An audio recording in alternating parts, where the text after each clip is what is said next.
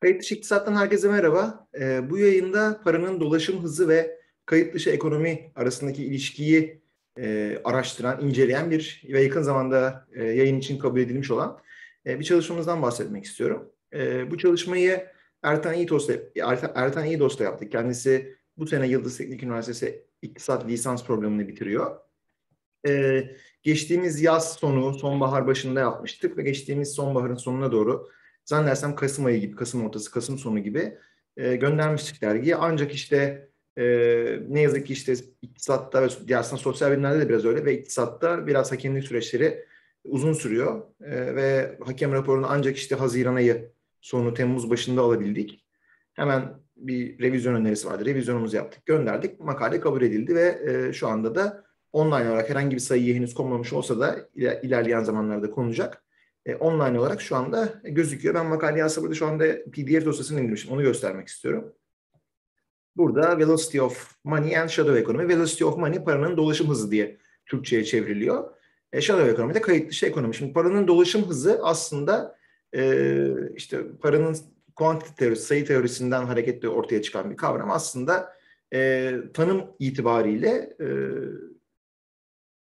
paranın kaç defa el değiştirdiğini gösteren e, işte alışverişlerde, transaction'larda yani İngilizcesiyle kaç defa el değiştiğini gösteren bir tanım ve ölçümü de e, tabii farklı ölçümleri var. İki tane farklı ölçüm var aslında. Şimdi bu değiş tokuşu nasıl tanımlayacağınız önemli. Bütün değiş tokuşları sayarsanız eğer bütün o de, değiş tokuşların e, parasal değerini para arzına böldüğünüz zaman aslında paranın dolaşımını elde ediyorsunuz. Fakat o değiş tokuşların parasal değerini ölçen bir ölçü olmadığı için genelde e, nominal gayri sarfi yurt içi hasılanın e, para arzına bölünmesiyle elde ediliyor. Bu da aslında nominal gayri safi yurt içi hasılaya katkıda bulunan değiş tokuşları kapsıyor aslında. Bir, nevi, bir nevi paranın değiş tokuşundan ziyade veya paranın dolaşım hızından ziyade e, paranın gayri safi yurt içi hasılaya katkıda bulunan dolaşım hızı demek daha doğru bu şekilde tanımıyla. Burada da e, işte gene dediğim gibi nominal gayri safi yurt içi hasılanın para arzına bölünmesiyle elde edilen bir tanımı var ve bu nominal gayri safi yurt içi hasıla dünyada çok sayıda ülke için, çok sayıda yıl için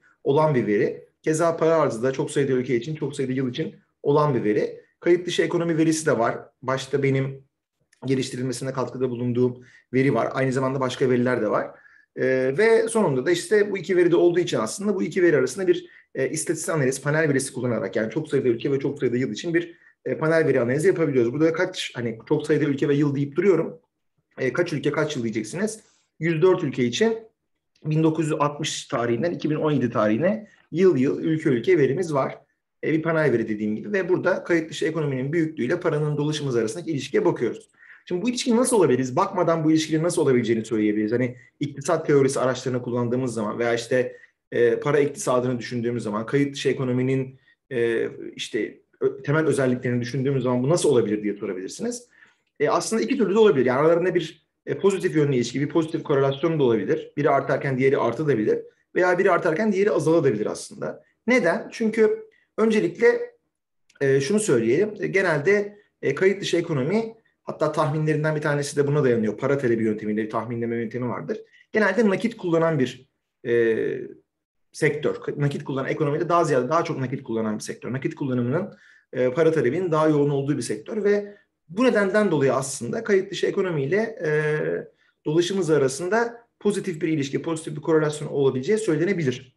Öte yandan kayıt dışı ekonomi çok daha küçük bir sektör. E, çok daha küçük bir sektör olduğu için aslında hani kayıtlı ekonomiye göre çok daha küçük bir sektör. Dolayısıyla kayıt dışı ekonominin kayıtlı ekonomiye görece olarak daha büyük olduğu ülkelerde bu bakış açısıyla da bu mekanizma, bu kanal aracılığıyla da aslında daha negatif yönlü bir ilişki olabilir. Dolayısıyla hani biz veriye bakmadan evvel pozitif yönlü ilişkide, negatif yönlü ilişkide olabilir olabileceğini söylüyoruz ki literatürde de bununla ilgili böyle ufak tefek bulgular var. Bunu tartışıyoruz. Bu makale Applied Economics Leaders dergisinde yani kısa makaleler e, yayınlayan bir dergide kelime sınırı olan hatta ilk başta submit ederken dergiye gönderirken 2000 kelime daha sonra hakem raporları sırasında biraz daha uzatabiliyorsunuz.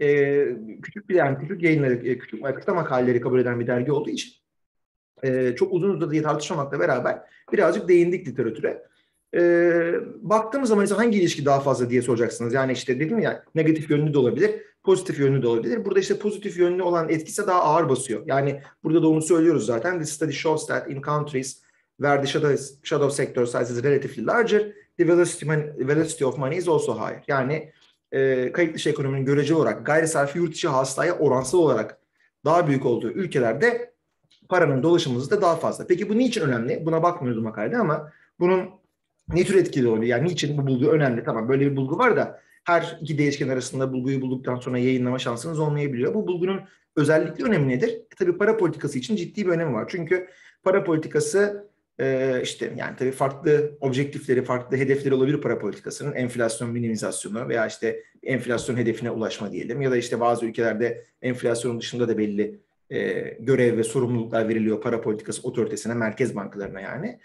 E, para özellikle enflasyon anlamında kayıt dışı ekonomiyi dikkate alması lazım para politikası otoritesinin. Genelde e, merkez bankaları e, daha çok fazla kayıt dışı ekonomiye yönelik çalışma yapılmaz. Yani çalışma yapılmaz derken de kastım şu, merkez bankalarının araştırma departmanlarında kayıt dışı ekonomi çok böyle hani önde gelen olgulardan çok da fazla açıkçası. Hani Maliye Bakanlıkları için böyle değil. Hazine ve Maliye Bakanlıkları için kayıt dışı ekonomi çok önemlidir. Çünkü vergi gelirlerini etkiler. Vergi gelirleri de tabii Maliye Bakanlığı'nın çok temel bir e, kaynağı olduğu için e, ona önem verirler. Genelde Maliye Bakanlıkları e, kayıt dışı ekonomiyle ilgilenir. Merkez bankaları kayıt dışı ekonomi. Yani tabii ki kayıt dışı ekonomi çalışan belki tek tük insanlar olabilir Merkez Bankası araştırma departmanlarında. Onun üzerine makaleler yazan tek tük çalışmalar yapılmış olabilir. Belki bizim Merkez Bankası'nda da yapılmıştır. Yani yapıldığını biliyorum aslında birkaç tane. Ee, ama hani temel böyle gerçekten de para politikası otoriteleri veya para politikası kurulu üyelerinin çok da böyle önem atfettiği, e, gün be gün izlediği işte ya da yıl be yıl izlediği günlük veri yok zaten ama yıl ve yıl izlediği çok temel bir gösterge değildir kayıt dışı ekonomi. Çünkü yani para politikasının çok da fazla katkısı olmadığı düşünülebilir ki ama aslında öyle değil. Bununla ilgili ben bir çalışma daha yapmıştım. Belki ilerleyen yayınlarda ondan da bahsederim ama e, özellikle burada da şunu görüyoruz ki paranın dolaşım hızını etkiliyor. E, paranın dolaşım etkilemesi ne zararı var diyebilirsiniz veya ne etkisi olabilir?